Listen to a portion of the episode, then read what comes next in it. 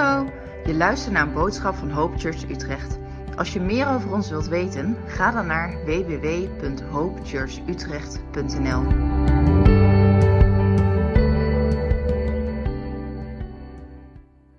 You're still God.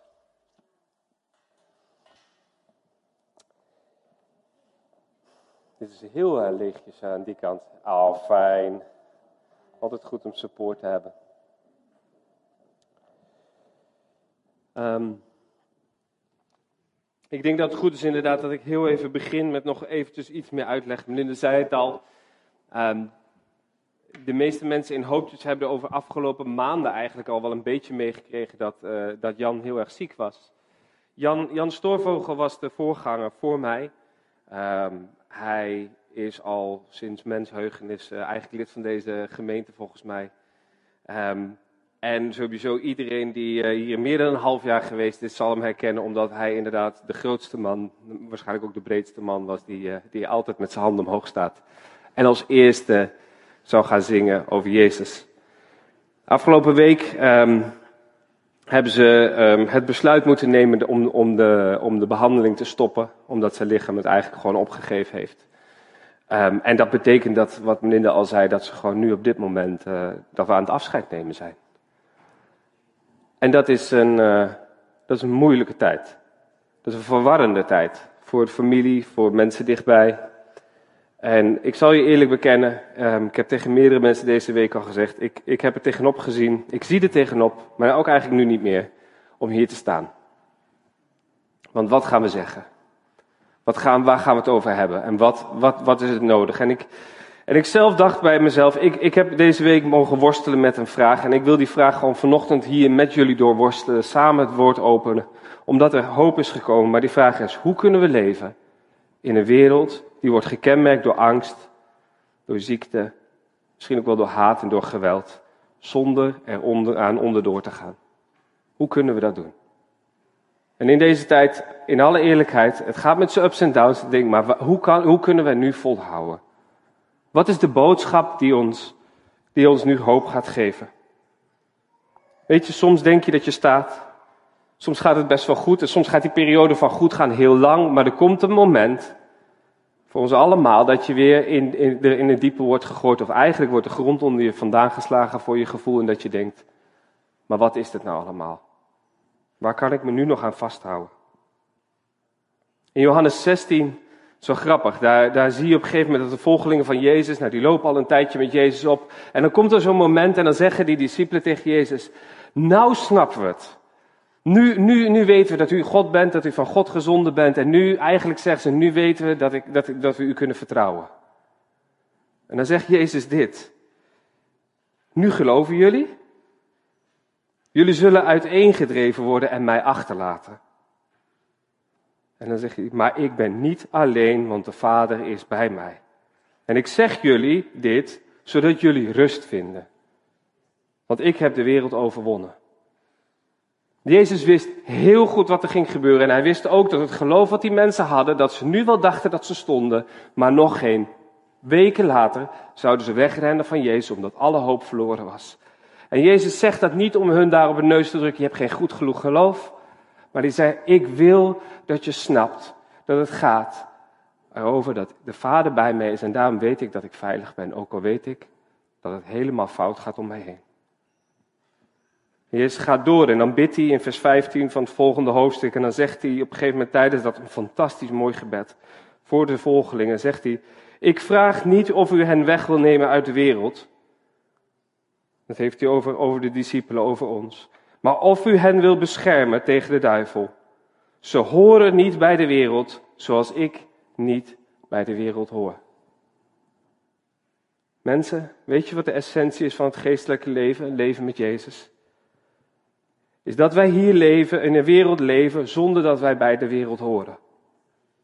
Daarvoor doen we alle geestelijke dingen, is omdat wij moeten beseffen, omdat wij leven hier, wij leven hier, ja, wij leven hier op een wereld. Maar wij zijn niet van deze wereld, want wij weten van een andere wereld.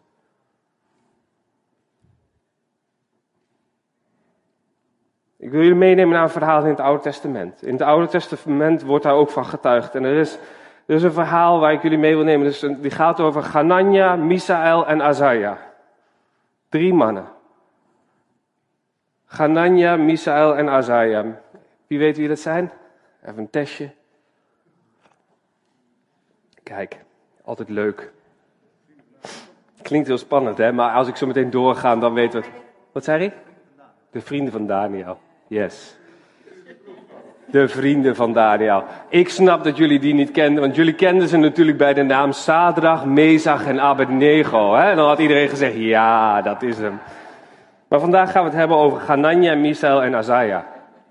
Want, want deze drie mannen, Ganania, Misael en Azaja, waren doodnormale jongens.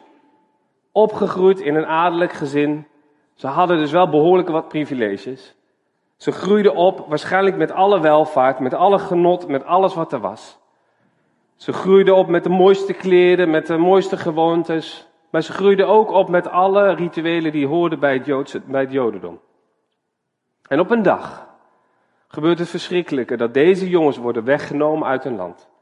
Ik vermoed, het staat er niet, maar ik vermoed dat alles achter hen werd verbrand, vermoord en, en gedaan. Het meeste werd gewoon platgebrand. Waarschijnlijk werden de ouders vermoord, de jongens werden weggebracht met de wetenschap. Ik kom zeer waarschijnlijk of om of nooit meer terug. En deze jongens worden meegenomen naar een ver land en in dat verre land worden ze neergezet en daar wordt eigenlijk wat er wordt gedaan, ze worden tot de grond toe afgebroken is het idee. En wat wil die andere koning? Koning Nebukadnezar wil hen opnieuw opbouwen in de nieuwe vorm die past bij Nebukadnezar. In de kleren van de koning, met het eten van de koning, met de gewoontes van de koning, met de religies van de koning. Een heel nieuwe set kleren. Ganania, Misa en Azaja komen daar aan en er gebeurt iets wonderlijks. Er staat, en volgens mij waren het jonge mannen geweest. Ik, pik, ik, ik stel ze gewoon maar voor dat ze de leeftijd zijn van Janoa, van mijn zoon, 14 jaar. En die komen daar aan in zo'n plek. En dan wat doen ze? Zij zeggen: wij willen, wij willen best met allemaal dingen meegaan, maar wij willen de voorschriften van onze God blijven doen. Dat is een ongelofelijke dappere daad. Dat is een ongelooflijk dappere daad. Door te zeggen van, maar wij vertrouwen erop. Ook al wordt alles nu weggenomen. Het kan ons leven kosten. Wij willen ervoor kiezen om de voorschriften van de reinheid van onze God. Dus de etensgewoonte en bla bla bla. Willen wij volgen. Omdat wij hebben gezien en geloven dat God onze God is. Wat een zegen. Wat een zegen rust daarop. Op de, op de gehoorzaamheid van deze jonge mannen om trouw te blijven, werden ze daardoor tot een zegen. Hun trouw om te doen wat ze wisten om God te eren, was dit moeten we niet doen en dat moeten we wel doen. Om hun oog gericht te houden op God, nog belangrijker dan wat dan ook. Daardoor werd hun leven gezegend, lezen we hier. We lezen dat God weer voorspoed met ze mee heeft. Het geestelijke leven wat wij leven houdt in dat wij het besef moeten hebben dat wij hier op aarde niet een thuis hebben van angst, van ziekte, van pijn, geweld of zelfs van de dood.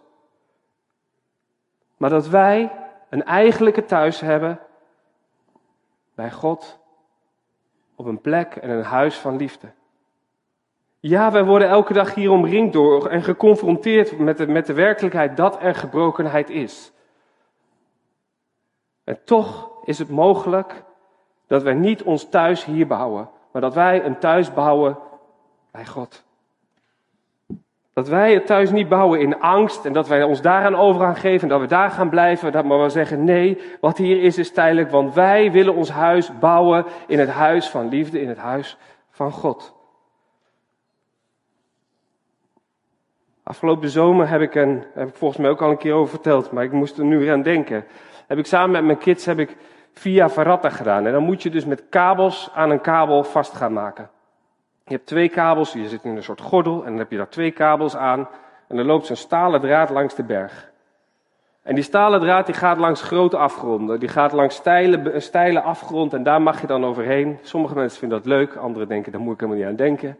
Ik hoor bij de eerste categorie, ik denk over het algemeen dat vind ik leuk. En mijn kinderen ook. En wij liepen erheen en dan moet je dus klik voor klik, moet je die twee dingen aan elkaar, moet je allebei aan de kabel vastklikken. En het is heel belangrijk dat je dat doet, want als je dat niet doet en je valt, dan ga je hard naar beneden. En je moet hem elke keer losmaken, want die kabel die gaat zeg maar tot een punt en dan gaat hij natuurlijk weer met een haakje naar de volgende. En dan moet je de eerste ene losmaken, klik je hem op de andere, daarna pak je de andere, dan klik je hem erop en dan loop je door.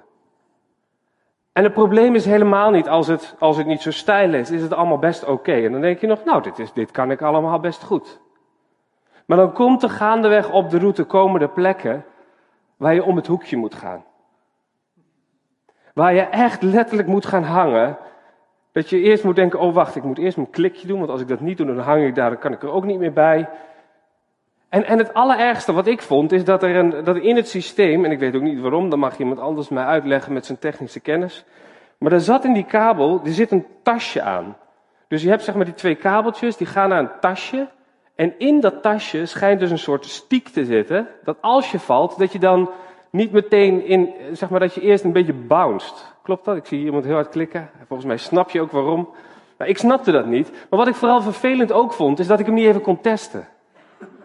Dat ik dacht, ik ga me gewoon even laten vallen. En als ik dan weet dat ik echt kan hangen, dat zou mij zo geruststellen. Maar dat kan niet. Ik moest erop vertrouwen dat dat zakje zijn werk zou gaan doen als ik echt zou gaan vallen. Is het niet precies hetzelfde met geloof, mensen? Geloof is iets wat hoop geeft, maar wat er nog niet altijd is.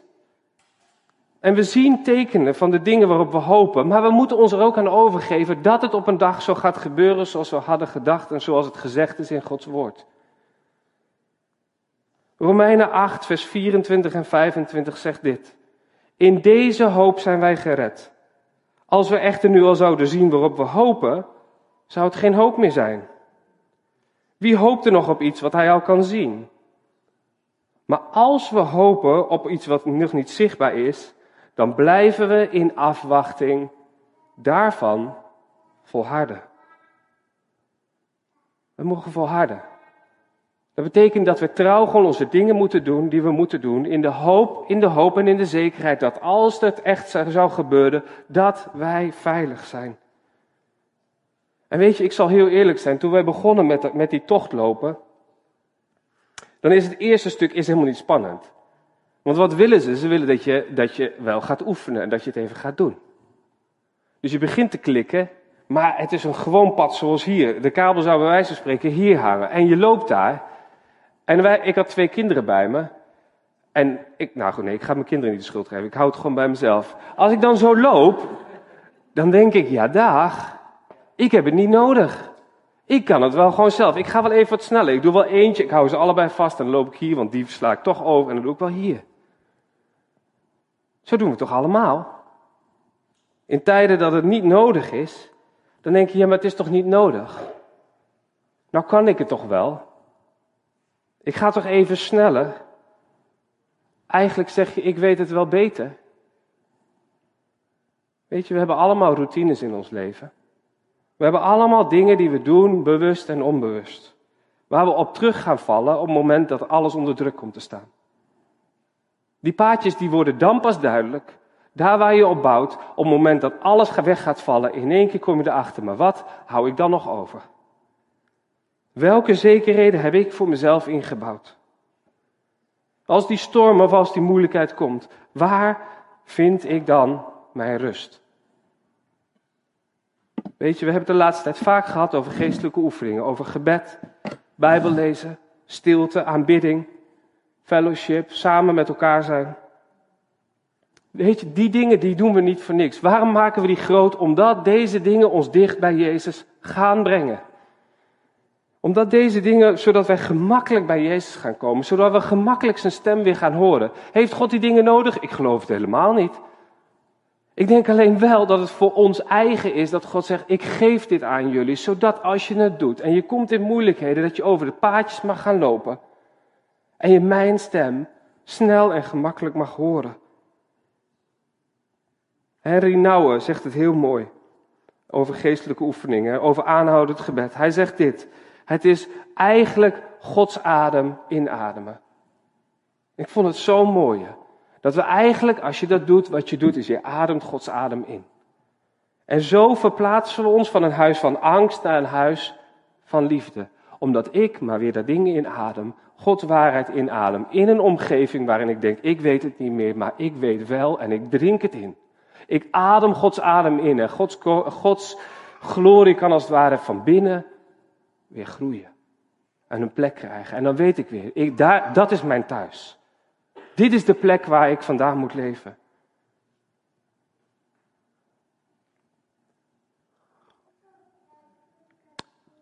Maar er zijn soms ook tijden dat dat nog niet eens genoeg is. Dat het alsnog lijkt alsof alle grond daaronder alsnog weg zal vallen.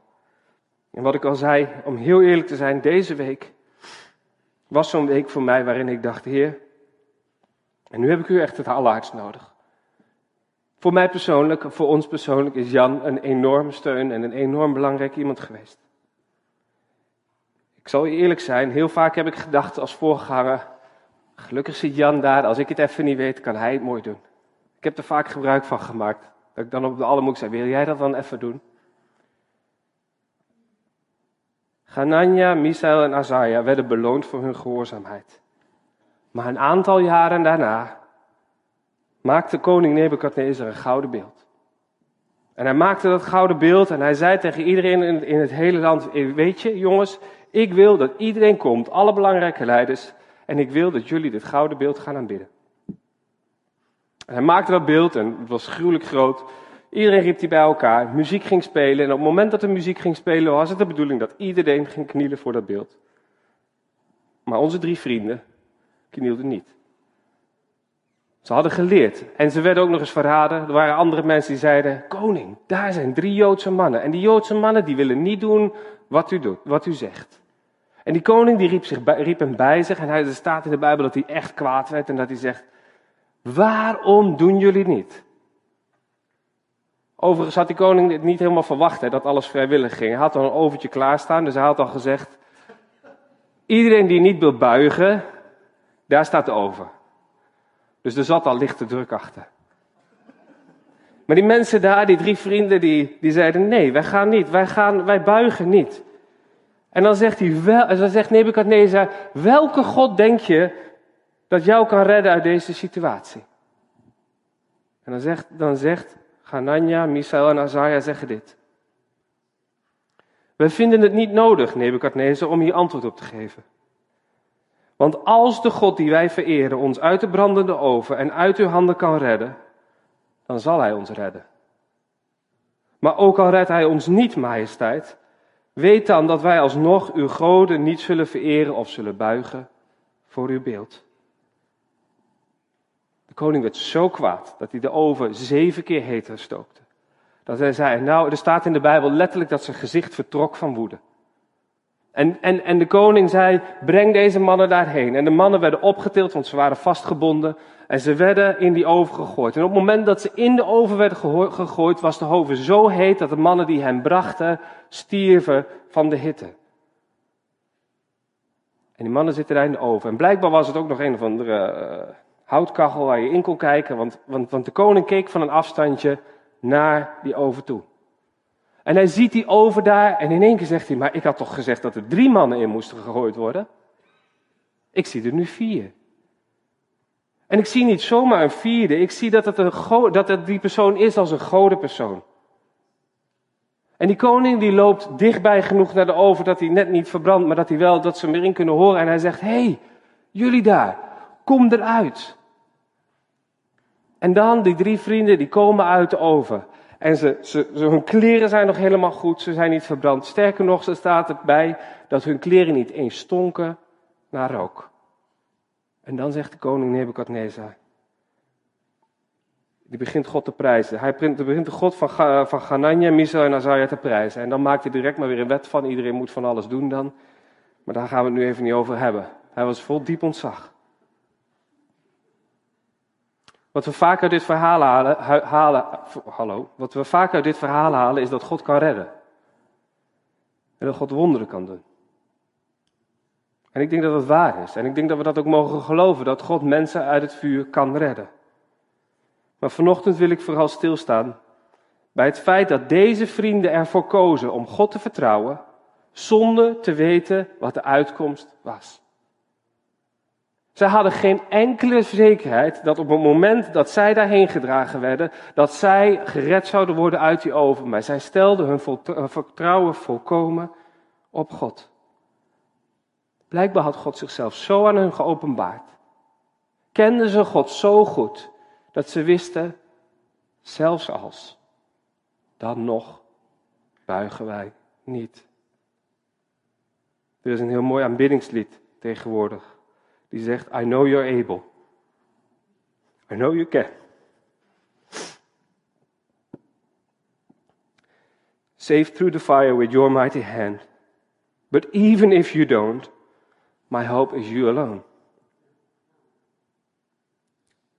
Denk je ook wel eens, wat zou ik doen? Wat zou ik in die situatie doen? Wat zou jij doen als jij daar een brandende oven voor je hebt staan? Wat zou je dan zeggen? Wat zou je dan gaan denken? Zou je dan denken, ah, maar ik kan, ik kan meer betekenen als ik levend ben. Ik bedoel, ik ben nu in een goede positie, dan kan ik het goede toch doen, God. Weet je wat, dan, dan maak ik maar hier een, een klein buigingje. We doen er toch niemand kwaad mee? We hebben ons punt al gemaakt de eerste keer. Het eerste keer is het punt al gemaakt. Nou, die tweede keer, dan kunnen we daar toch wel aan overgeven. We, we moeten de koning tenslotte gehoorzamen. God zal dat wel begrijpen. Of misschien zelfs als gedachte als, maar zo'n God kan ik toch niet dienen. Ik stop ermee. Hoe reageer ik als er een brandende oven staat of een situatie die voor me staat waarin ik niet meer het antwoord weet? In alle eerlijkheid, al die gedachten zijn door mij heen gegaan afgelopen week. Ik denk namelijk dat het heel menselijk is, want mijn menselijk kunnen stopt hier. Ik kan niks meer doen. We kunnen niks doen. Mijn eigen morele kompas, mijn eigen kracht om goed te doen, eindigt ook. En vooral op een gegeven moment besef ik me, ik wil hier gewoon niet zijn. Ik wil niet in deze situatie zijn. Mensen, er is lijden in deze gebroken wereld. Dat is een realiteit. Er is pijn en verdriet en uiteindelijk is er ook sterven hier op aarde. En voor ons christenen wordt daar geen uitzondering voor gemaakt. Ja, we geloven dat God kan redden, en dat hij wonderen kan doen. Dat hij wil genezen. Maar de reden waarom we, waarom we wonderen nodig hebben, is omdat wij nou eenmaal in een gebroken wereld leven. Die realiteit die kan ons overvallen. In die realiteit kunnen we soms zijn dat we gewoon echt denken dat we op een punt zijn gekomen dat er geen uitzicht meer lijkt te zijn. En juist daar juist daar denk ik dat er een wonder kan gebeuren. Daar waar wij menselijk gezien zeggen, ik laat nu alles los, want ik kan het niet meer. Daar kan er een wonder gebeuren, namelijk het wonder dat hemelse waarheid kan gaan klinken. Dat daar het licht begint te schijnen. Dat als wij onze eigen vragen, onze eigen gedachten en onze herinneringen op een gegeven moment zo ver los moeten laten van ik weet het gewoon niet. Dat wij herinneren dat er een God is die ons goed gemaakt heeft. Dat we herinneren dat deze wereld door God goed bedoeld is. En bedoeld is pijnvrij, ziektevrij, in alle, in, in alle heerlijkheid. Dat God zo de mensen gemaakt heeft, dat hij geschapen heeft dat we genieten van het leven. Zonder onze gebroken lichamen, pijn, ellende of oorlog. En dat God toen dat gebeurde, dat God trouw bleef aan zichzelf.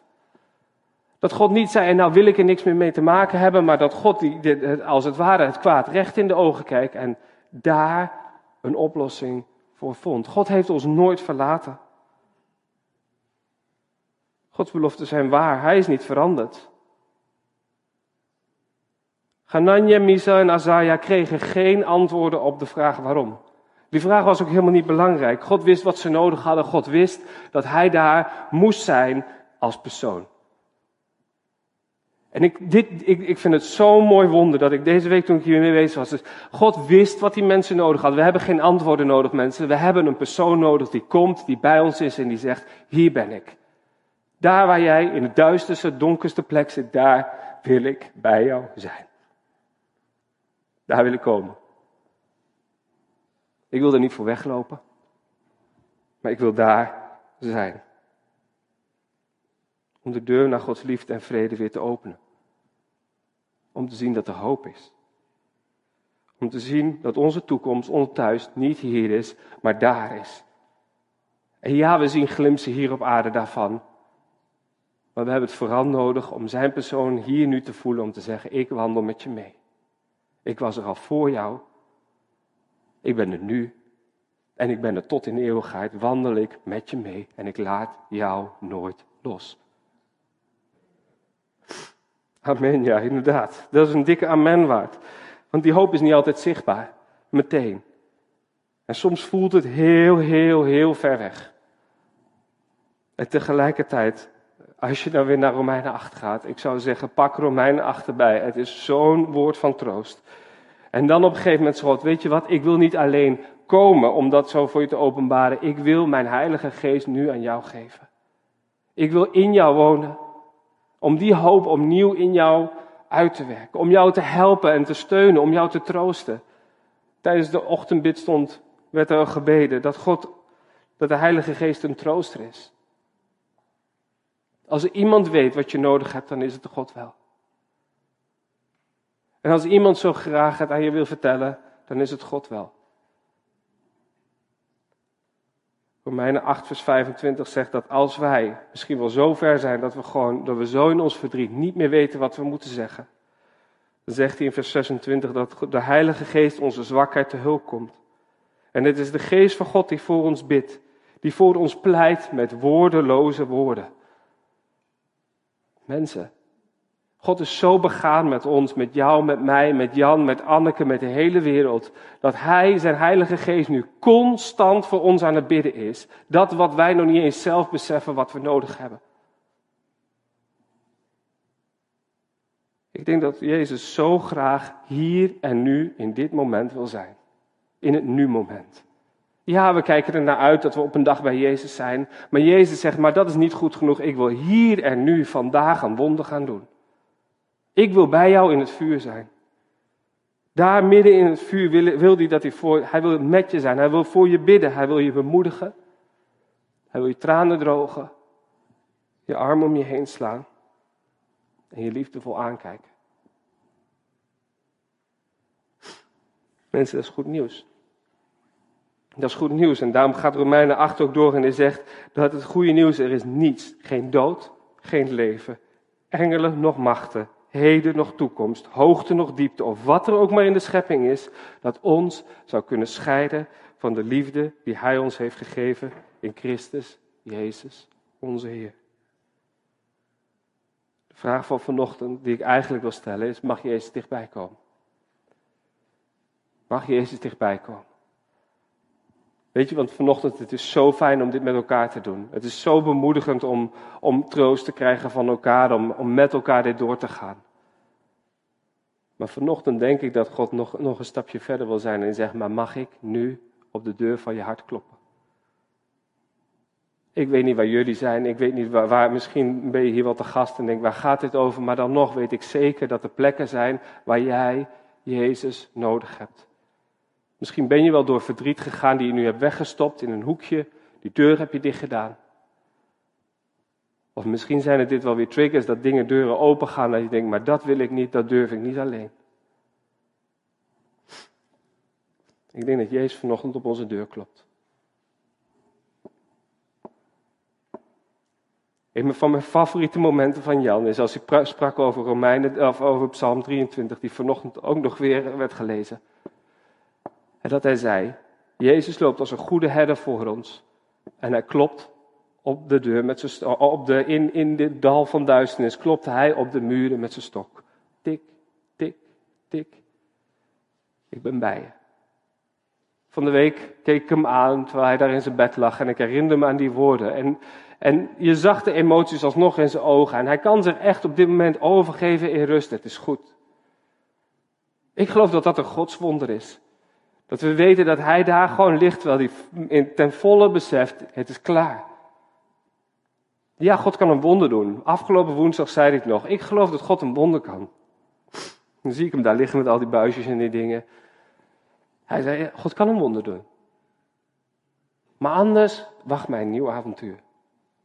Dan wacht mij een nieuw avontuur, zei hij. Een nieuw avontuur samen met Jezus. Ik weet nog niet waar hij heen gaat. En ja, zei hij, ik, ik vind het heel eng om mijn, vrouw, om mijn vrouw en mijn kinderen achter te laten. Het is pijnlijk. En ik weet niet hoe ik dat alleen moet doen. Maar er wacht mij een nieuw avontuur. Jezus wil met ons meegaan, mensen. Jezus wil ook nu met iedereen die hier is meelopen en zeggen: Mag ik binnenkomen?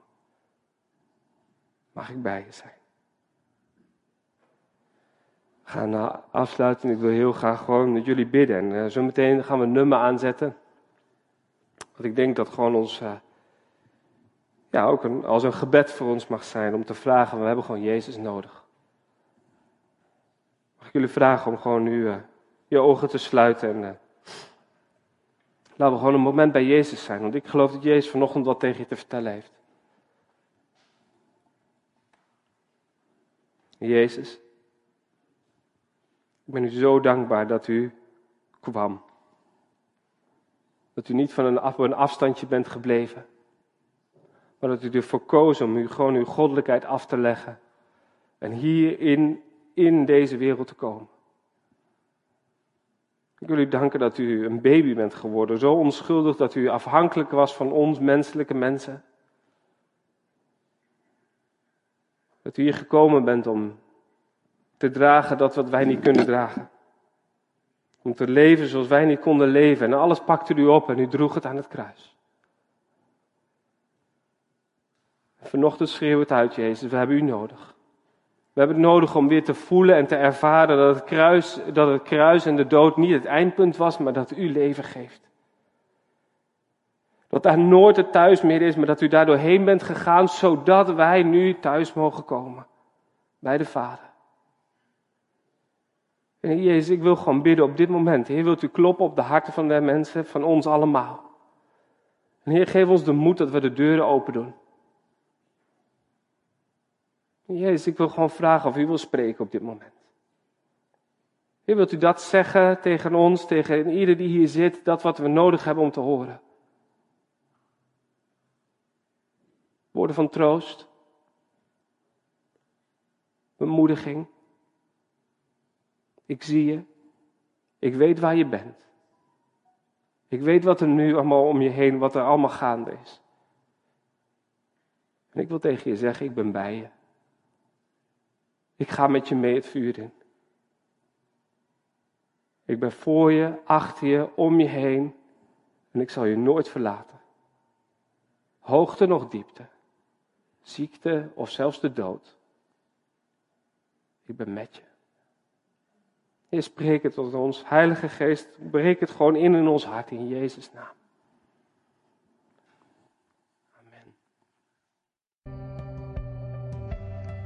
Bedankt voor het luisteren en we hopen dat je hierdoor bemoedigd bent. Als je meer wilt weten over Hope Church Utrecht, ga dan naar www.hopechurchutrecht.nl. Tot de volgende keer.